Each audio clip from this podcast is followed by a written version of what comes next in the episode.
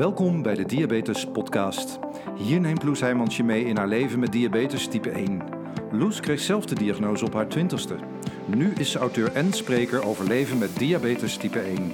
Naast haar eigen verhaal beantwoordt Loes ook vragen van luisteraars, gaat ze in gesprek met experts en deelt ze de nieuwste ontwikkelingen op diabetesgebied. Hier is jouw inspiratieshot voor deze week. Dit is de Diabetes Podcast.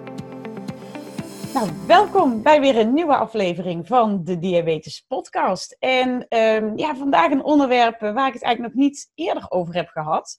Um, ik heb zelf natuurlijk de diagnose gekregen op mijn twintigste. Dus niet uh, als uh, klein kindje waarbij mijn ouders nog heel erg voor mij moesten zorgen. Uh, ik denk dat mijn ouders ook toen ik op mijn twintigste de diagnose kreeg nog steeds wel de nodige zorgen hadden. Helemaal toen ik een week na mijn diagnose op mijn terug naar mijn studentenkamertje ging in Maastricht. En daar uh, op een zolderkamer zat in een studentenhuis waar verder niemand mij kende. Dus dat heeft te merken aan de dagelijkse sms'jes die ik ochtends van mijn moeder kreeg. om te, te, vragen of ik nog leefde, zo ongeveer. Dat vroeg ze niet daadwerkelijk. Maar ze vroeg gewoon, goh Loes, heb je lekker geslapen? Ja mam, ik leef nog. Um, nu ik zelf moeder ben, snap ik die zorgen eigenlijk pas echt. Maar ja, ik kan me ook zo voorstellen. Of tenminste, ik heb eigenlijk altijd wel te doen als ik verhalen lees van ouders die een kind hebben met type 1 diabetes. Dan denk ik, oh man, daar komt toch echt zoveel bij kijken. En dat lijkt me zo heftig. Dat ik het echt wel eens de moeite waard vond om daar uh, een keer een podcast aan te wijden. En um, ik heb vandaag te gast in, uh, in deze uitzending, in deze aflevering, Margriet de Rijk. Margriet, goeiedag. Goeiedag. Goeie, ja, fijn, uh, fijn dat je er bent. En zou jij jezelf even voor willen stellen aan de luisteraars van de Diabetes Podcast? Jazeker. Ik ben Margriet de Rijk. Ik ben 38 jaar. Ik ben alleenstaande moeder van drie kinderen en zelfstandig ondernemer. En de oudste van mijn drie kinderen, ik heb een dochter en twee zoons. En mijn dochter die heeft diabetes type 1. En dat is nu bijna twee jaar geleden dat de diagnose is gesteld.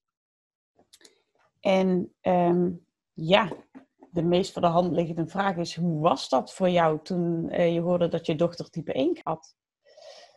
Heel heftig en een opluchting, want het ging al lange tijd niet goed met haar. En uh, zij kreeg de diagnose toen ze acht was.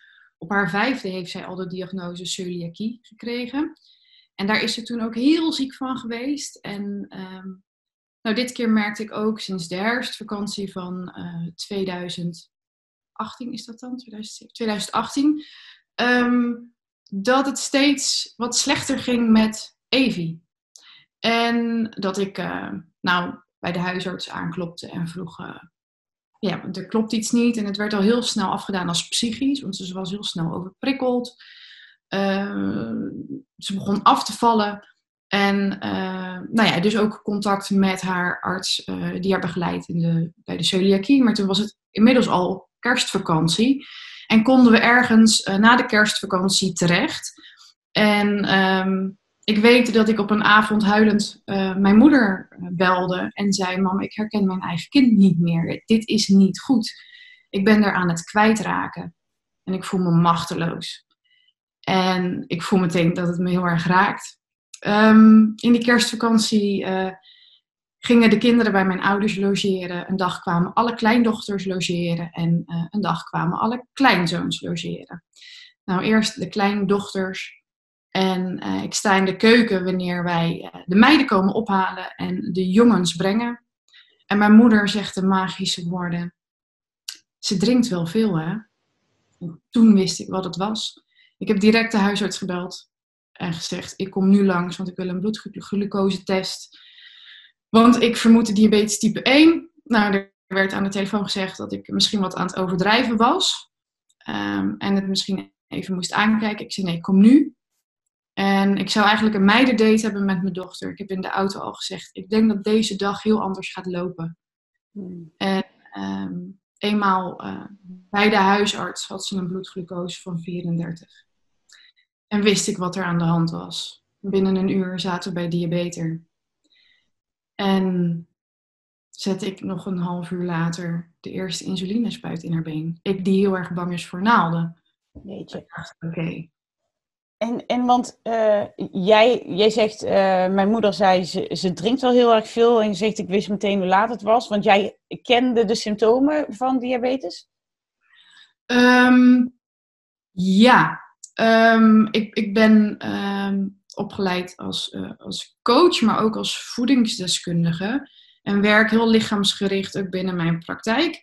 En het menselijk lichaam, uh, het systeem, wat gebeurt er nou, dat heeft me altijd geïnteresseerd. En het zijn dingen dat als ik ze hoor, dan blijft het hangen. Daar hoef ik geen moeite voor te doen. Maar het zat dus ergens in een laadje. En toen was dat die optelsom. Ook omdat ze die week twee keer in haar bed had geplast. Um, en nog maar 21 kilo woog. Dus alles bij elkaar. Ja, ze was acht jaar 21 kilo. En uh, er werd gezegd, uh, het zal wel psychisch zijn. Jeetje. En alles, ik, nou ja, ik wist dit, dit klopt niet, maar ik kon toen mijn vinger er niet op leggen wat het nou precies was. Maar dan... Ik wist dat ze, dat ze aan het afglijden was. En, en op school ging het ook niet goed. En uh, het ging gewoon niet goed. Het ging gewoon slecht. Echt slecht. En in het ziekenhuis zeiden ze ook, ja, ze had niet nog een nacht uh, zo moeten doorslapen, want ze was misschien niet meer wakker geworden. Jeetje, wat enorm heftig. En dan snap ik ook inderdaad wat jij zegt van ja, het voelde als een opluchting. Want als je kind zoveel symptomen heeft waar jij niet de vinger op kunt leggen en inderdaad nog maar 21 kilo weegt en, en hè, dat ze denken dat het psychisch is, wat natuurlijk ja, ook verschrikkelijk is. Maar nu kon je natuurlijk heel concreet hè, met insuline aan de slag en, en zag je dat ze snel opknapte? Binnen twee dagen. En ze heeft een hoogslaper. En zij klom daar, ze klom op het trapje. Dat was de tweede dag dat ze insuline kreeg. En ze keek me aan. En ik herkende de blik weer in haar ogen. Ze was er weer. Want ze was echt weg. Wauw. En dat. Bij ons op school is er een moeder die haar kind aan het verliezen is. En daar zijn geen medicijnen voor. En het besef dat, um, dat het diabetes is en dat we in Nederland wonen en de mogelijkheden die er hier zijn, dat relativeert het soms voor mij. Dat ik merk van ja, weet je, godzijdank leven we hier. En is die insuline er? En heb ik een koelkast vol en betaalt mijn verzekering het? Het is, het is, een, het is een rot diagnose en ik wens het helemaal niemand toe. En het is soms gelukkig ook maar diabetes. Mm-hmm. Ook. Ja. En uh, hoe gaat het nu met Evie? Um, goed. Ze komt in de prepuberteit. Dan zijn er van allerlei hormonen en groeihormonen en uh, vrouwelijke geslachtshormonen die lekker veel impact hebben. Um, dus ze vliegt soms alle kanten uit. En ze is soms ook uh, lekker stabiel. En dat, uh, dat zijn haar bloedsuikerspiegels. Verder is het een, is een heel veerkrachtig kind. En dat vind ik een enorme um, inspiratie ook om te zien wat dat, nou ja, wat zij kan en hoe zij hiermee omgaat. En heeft voor mij het, het stuk gezondheid ook totaal anders belicht want zij wordt gezien, ik krijg soms de vraag, ja, hoe is het om een ziek kind te hebben? Ja, ik zie, zie geen ziek kind. Ja, ik zie een kind met een diagnose. Maar ik zie gezondheid als je vermogen tot herstel. En als ik zie hoe zij um, binnen no time weer stabiel is, nadat na, ze ontzettend laag heeft gezeten of bizar hoog. En er gaat gewoon weer een stralend kind op de skates de deur uit. Ja, dan kan ik alleen maar zeggen, het is, een, het is misschien soms ook bij het juiste kind terechtgekomen. Hmm, ja, mooi hoe veerkrachtig kinderen dan zijn, inderdaad. Ja. En nou, super fijn dat, dat zij daar zo uh, op die manier mee om kan gaan. En dat het dus, uh, nou ja, ondanks dat die puberteit aankomt. En dat zal best ook wel wat uitdagingen met zich meebrengen. Maar nou ja, ik kan wel zeggen dat het goed met haar gaat. Um, ja. Vind ik ook een hele belangrijke vraag. Hoe gaat het met jou? Het gaat, uh, het gaat goed. Ja. Ja, en dat, dat kan ik nu na, na twee jaar wel zeggen. ehm, dat ik ook wel echt heb leren meebewegen met de diabetes. En dat ik van mijzelf echt niet op een dag hetzelfde hoef te verwachten wanneer ik zes alarmpjes heb gehad of wanneer ik een nacht heb kunnen doorslapen. En dat daarin in meebewegen belangrijk is voor mijzelf. Want anders dan eh, zit er een eindje aan mij. Om het Ja, even te zeggen. Ja, wil- en, en ik kan me ook voorstellen dat dat ook iets is wat je niet eh, vanaf het begin meteen in de, in de smiezen hebt. Hoe is dat proces bij jou verlopen? Ehm, nou, ik stond primair gewoon constant aan. En daar zit ook wel een stuk voorgeschiedenis in, want in hetzelfde jaar dat we toen Evie de diagnose diabetes type 1 kreeg, heeft mijn, eh, mijn partner, mijn vriend, eh, heeft een hartstilstand gehad en heb ik hem gereanimeerd. Dat is allemaal in hetzelfde jaar geweest. Ehm, dus toen ik daarvan een beetje uit die constante aanfase was en alert zijn, eh, kon ik de volgende fase van alert zijn in. Eh, dus ik kan zeggen dat eh, na de diagnose bij Evie was ik op. Was ik, nou ja, ik wist niet meer hoe, hoe door met de nachten, met de dagen. En ja, ik ging eigenlijk soort in, een, in eenzelfde tempo door nu is mijn, mijn vak ook mijn redding geweest, omdat ik eh, heel veel weet over het stresssysteem in het lijf en het uh, sympathisch en parasympathisch zenuwstelsel. Dus hoe kom je weer tot zelfherstellend uh, ja, vermogen? En daarin ben ik echt zoekende gegaan. Echt de verbinding met mijn lijf aan. Hoe voelt mijn lijf nu? En wat heeft het nodig? En wat is er mogelijk? Want soms heeft het iets nodig en is dat ook niet mogelijk. Dan gaan er gewoon weer tig alarmpjes en heb je gewoon echt wel te handelen. Um, maar eigenlijk elke keer bij mijzelf ook die thermometer. Hoe sta ik ervoor? Hoe voelt het? Wat kan ik, wat kan ik niet? En uh, een van de belangrijkste dingen die ik heb geleerd is om nog vaker hulp te vragen. Mm. Om het echt niet alleen te hoeven doen. En dat is als alleenstaand ouder, weet je, de nachten komen op mij alleen aan. Um, maar er is een appgroep voor school. Daar zitten mijn ouders in. Daar zit mijn vriend in. Uh, daar zit de vader van mijn dochter in. En ik meld mij gewoon af. Ik ben er niet. En ik vertrouw de ander. En misschien maken ze een andere beslissing dan wat ik zou doen. Maar het is geen slechte beslissing. Dat is denk ik iets waar uh, veel ouders, tenminste ook de verhalen die ik, ik wel hoor, veel mensen tegenaan lopen. En wat ik me ook zou kunnen voorstellen, uh, dat je het idee hebt dat je het zelf altijd het beste weet voor je kind. Maar dat dat in het geval van een kind met type 1 diabetes, dat je daar dus dan 24 uur per dag aan vastzit. Dus wat jij zegt van nou, er zijn appgroepjes en ik vertrouw ook mijn ouders en mijn vriend en, en de vader van mijn dochter erin dat zij de juiste beslissingen nemen. Dat is denk ik echt wel een, um, ja, de, de kunst van het loslaten. Ja, maar en ook dus wat ik Evie gun. Ik gun Evie dat ze anderen kan vertrouwen. Want als ik anderen niet vertrouw, wat geef ik haar dan als voorbeeld?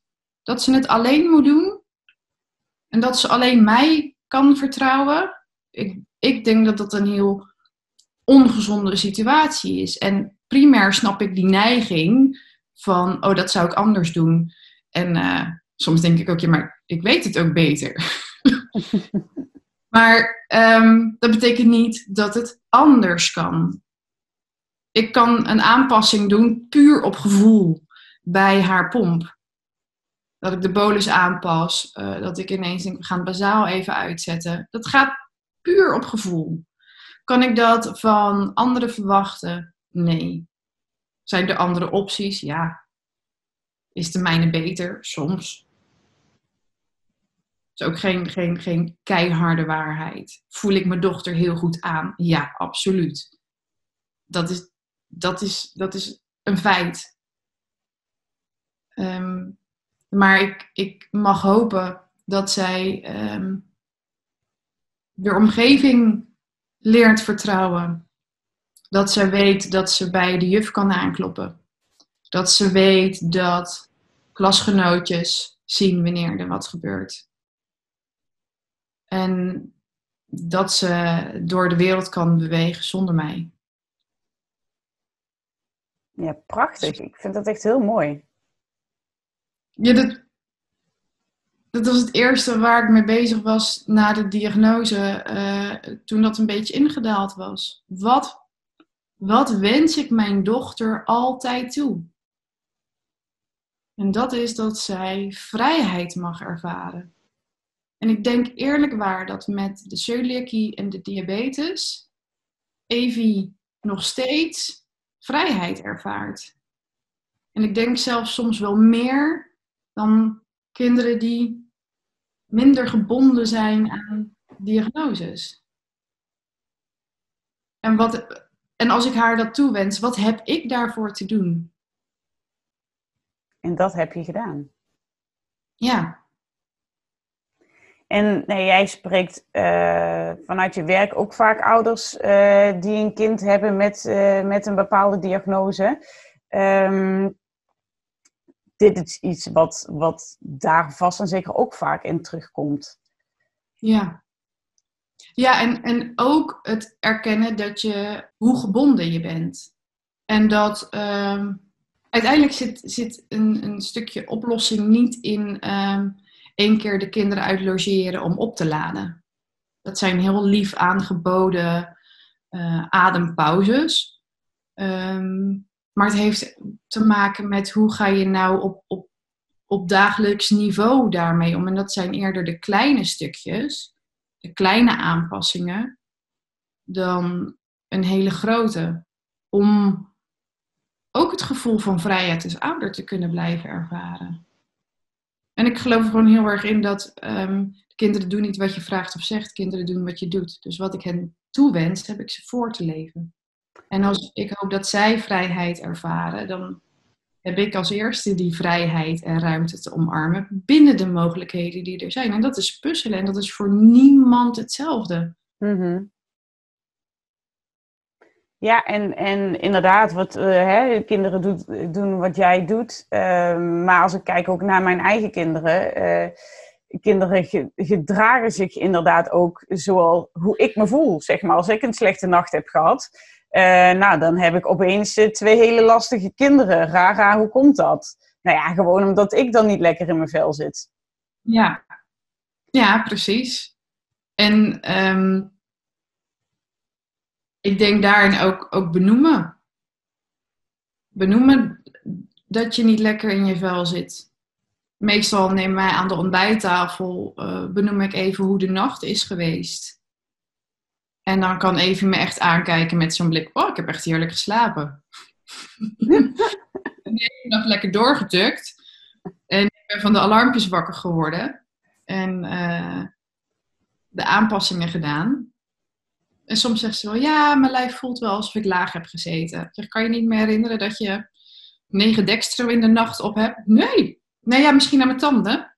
Maar Nee, dan bespreken we dat. Of dan geef, geef ik zelf ook aan. Ik merk dat ik moe ben. Ik heb, mijn geduld is uh, wat schaars vandaag.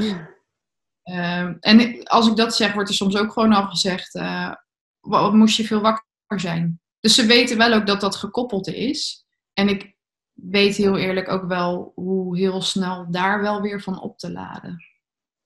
En dat kunnen momentjes van 10 minuten zijn. En dat, dat is heel fijn en nodig. Is dat ook een van de, de, de tips of de adviezen die jij dan aan ouders uh, meegeeft? Van zorg dat je zelf weet waar jij van oplaat. Ga daarna op zoek. Ja, ja me meestal gaan we dan ook een energiedagboek bijhouden. Uh, hè, waar laat je van op? Waar laat je van op vooraf? Waar laat je van op in het moment? En, en waar laat je van op achteraf? Er zijn dingen die je heel leuk kan doen in het moment, maar bakken met energie kosten ervoor en daarna. Dus op die manier zoeken. En ook echt wel kijken naar de korte stukjes. Want we kunnen wel heel leuk zeggen, ja, ga drie kwartier op een meditatiekussen zitten en neem tijd voor jezelf. Eh, maar dan schiet het er een keer bij in en dan nog een keer bij in en dan nog een keer bij in. En dat voelt als falen en dat is niet fijn. En terwijl drie keer in rust ademhalen, dat kan in de rij bij de kassa. Dat kan bij het schoolplein. Dat kan wanneer je je kop koffie drinkt. Of je derde of je vierde kop koffie. um, maar die hele juist die hele kleine stapjes. Dat lijf vaak alleen al even aandacht geven aan je lijf. je lijf springt een gat in de lucht, bij wijze van spreken. Want die denkt, hé man, ik krijg de aandacht. En alles wat het aangeeft is niet om te klieren, maar het is om je een signaal te geven. En je hoeft niks te veranderen. Al erken je het, dan zal je merken dat je lijf daar direct op reageert. En dat je direct anders in je systeem zit. Ja, en um, we hebben het er nu over van wat, wat kun je doen als je even niet zo lekker in je vel zit en, en om, om daar weer bij terug te komen. Um, het zou natuurlijk het fijnste zijn aan de voorkant als dat steeds minder vaak nodig is. Hè? Door gewoon te beginnen om goed voor jezelf te zorgen, om daarmee goed voor je kind te kunnen zorgen. Ja, ja en ik denk dat dat heeft te maken met ja, hoe, hoe stap je erin? En hoeveel ruimte geef je en gun je jezelf? Wat ik merk, wat ik soms lees op fora, uh, en dat is uh, bijvoorbeeld ook bij de celiakie hoor. De celiakie en de diabetes is dat um, ouders, het lijkt vaak alsof ouders zich al heel snel tekort gedaan voelen of verontwaardigd zijn uh, over uh, een situatie waarin hun kind komt. En sommige situaties zijn ook schrijnend hoe er mee om wordt gegaan. Um, ik denk wel heel vaak dat we echt stil mogen staan met hoeveel ruimte geef je jezelf als ouder. Um, en dat dat zich uiteindelijk ook gaat afspiegelen in hoe er uh, eigenlijk breder naar wordt gekeken. Want als je als ouder ook meer rust ervaart, straal je dat uit. En worden situaties minder schurend, omdat je niet zeg maar, op dat einde van je lontje um, erop duikt. En dat het echt heel vaak te maken heeft met hoeveel ruimte geven we onszelf. En daarmee creëer je ruimte voor je kind. Ja. ja, dat is mooi. En ik denk dat dat ook. Um... Ja, dat is voor iedereen natuurlijk fases hè, waar je doorheen gaat. Ik bedoel, dat het, toen ik zelf de diagnose kreeg, dan, dan ga je ook door verschillende fases heen. En bij uh, ouders die een kind hebben die die diagnose krijgen, is dat natuurlijk niet anders. En ik denk dat daarin ook um, veel meer ruimte mag zijn voor het stukje rouw. Je hebt Weet je, niet dat ik ooit had gedacht dat mijn dochter piloot zou worden. Helemaal niet. Maar er uh, wordt automatisch een bepaalde selectie gemaakt. Niet eens dat het een optie was voor haar om vanuit haar eigen keuze te kiezen, maar het kan nu gewoon niet meer. Feit. Mhm. En dat, dat er uh, zo'n permanente verandering plaatsvindt, Um, en als ouder zijnde uh, het besef wat dit voor je kind betekent, wat op een bepaald moment gaat even op zichzelf hoor. Dan heb ik geen slapeloze nachten meer van de diabetes. Dus het is voor mij ook nog eens tijdelijk in het stukje zorgen. Uh, denk niet tijdelijk in het stukje bezorgd zijn, wat je zelf ouders. Um, maar er mag wel echt ruimte zijn voor rouw. Er is iets wat niet meer kan, er is iets wat verandert, er is iets wat nooit meer hetzelfde zal zijn. En er is echt wel een stukje onbezonnenheid verdwenen. En ik denk dat dat echt wel beseft mag worden. Denk je dat daar te weinig aandacht voor is? Ja, ja het is voornamelijk buffelen en doorgaan. En, uh, en, en hoe gaat het nou met, uh, met het kind? Hoe is de uh, eh, HBCA 1? Dat hebben jullie goed gedaan top. En ik moet zeggen, ik ben erg blij met, uh, met diabetes, want er is echt wel ruimte voor het grotere plaatje. We hebben een ongelooflijk lieve diabetesverpleegkundige. Uh, Ilonka Rook. en ehm, dat voelde vanaf dag één als een warm bad. En ehm, ik denk dat dat ehm, noodzakelijk is. En dat het ook nog gewoon nog wat breder mag. Ik denk dat er heel veel ouders echt spaak lopen. En dat daar, dat daar ook een plek nog voor zou mogen komen. In plaats van alleen een fora. Wat fijn is, uh, maar soms ook uh, schurend. Ja. Wat, um, uh, wat zou je tegen de ouders die spaak lopen willen zeggen? Je hoeft het niet alleen te doen. En um, hulp vragen is een ongelooflijk krachtige stap. En als je kijkt naar topsporters, die kunnen niet zonder coach, toch? Die kunnen niet zonder een, een begeleider die, die ze helpt. En denk de zorg voor een kind met diabetes type 1, dat is een topsport.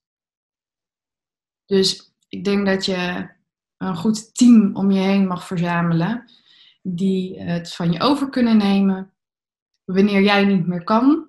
En dat wil je het liefst voorkomen, maar soms na een flink aantal nachten, dan uh, zit je gewoon zelf even aan, uh, aan je eindje. Um, heb een team om je heen. En um, ja, je mag er mag een stukje overgave komen. Ogen dicht en loslaten. Heel diep ademhalen en even niets hoeven en moeten. Mooi. Dankjewel Margriet. Ik denk dat het echt voor heel veel ouders, uh, ja ik hoop voor heel veel ouders een, hart onder de riem is. En misschien ook wel net even dat uh, laatste zetje om over te gaan uh, tot het vragen van hulp. Want um, ja, weet je, wat jij zegt, je hoeft het niet alleen te doen. Nee. Heel erg mooi. Dank voor het delen van je verhaal. En heel veel uh, ja, succes en plezier in het leven met Evie en natuurlijk je andere zonen. Ja, dat, dat lukt zeker. Ja, dankjewel. En als toetje een gedicht van Bitter Zoetje. En we kunnen de aflevering natuurlijk niet eindigen zonder een gedicht van Bitterzoetje. Vaste rubriek in de Diabetes Podcast. En als je nu denkt, goh, ik wil de gedichten ergens nalezen of er zat zoiets treffends bij, waar kan ik dat terugvinden?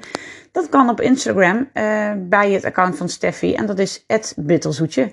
Dus uh, daar, uh, ja, daar vind je alle gedichten terug. En um, ja, ik kies er telkens eentje uit die, die past bij, bij de podcast. En ook vandaag uh, vond ik er weer eentje die, uh, ja, die heel treffend is na, na afloop van het gesprek met Margriet. Voor die kleine schat die diabetes haat. Voor de mama of papa die s'nachts opstaat. Voor de broer of zus die vaak even moet wachten. Voor familie en vrienden die de pijn helpen verzachten. Samen staan we sterker. Lief en leed kunnen we delen. Diabetes treft niet één persoon, het raakt de levens van zoveel.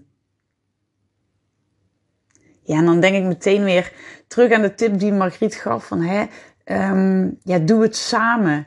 Uh, zorg dat je een team om je heen hebt. Dat je het kunt delen, ook die zorg kunt delen met een opa of oma. Of bijvoorbeeld met de buurvrouw waar je zoon of dochter regelmatig gaat spelen. Dat je even afstand kunt nemen en ja, ook goed voor jezelf kunt blijven zorgen. Ik merk dat zelf ook. Als ik goed voor mezelf zorg en mijn ochtendroutine doe en um, ja, gewoon mijn rust neem uh, op de juiste momenten, dan, uh, ja, dan ben ik ook een veel rustigere en, uh, en leukere moeder voor mijn kinderen. Dus dat, ja, dat geldt voor iedereen. Ze zeggen niet voor niets natuurlijk in het vliegtuig. Hè? Doe eerst je eigen zuurstofmasker op voordat je dat bij je kind opzet. Zorg gewoon eerst goed voor jezelf en dan kun je ook goed voor je kinderen zorgen.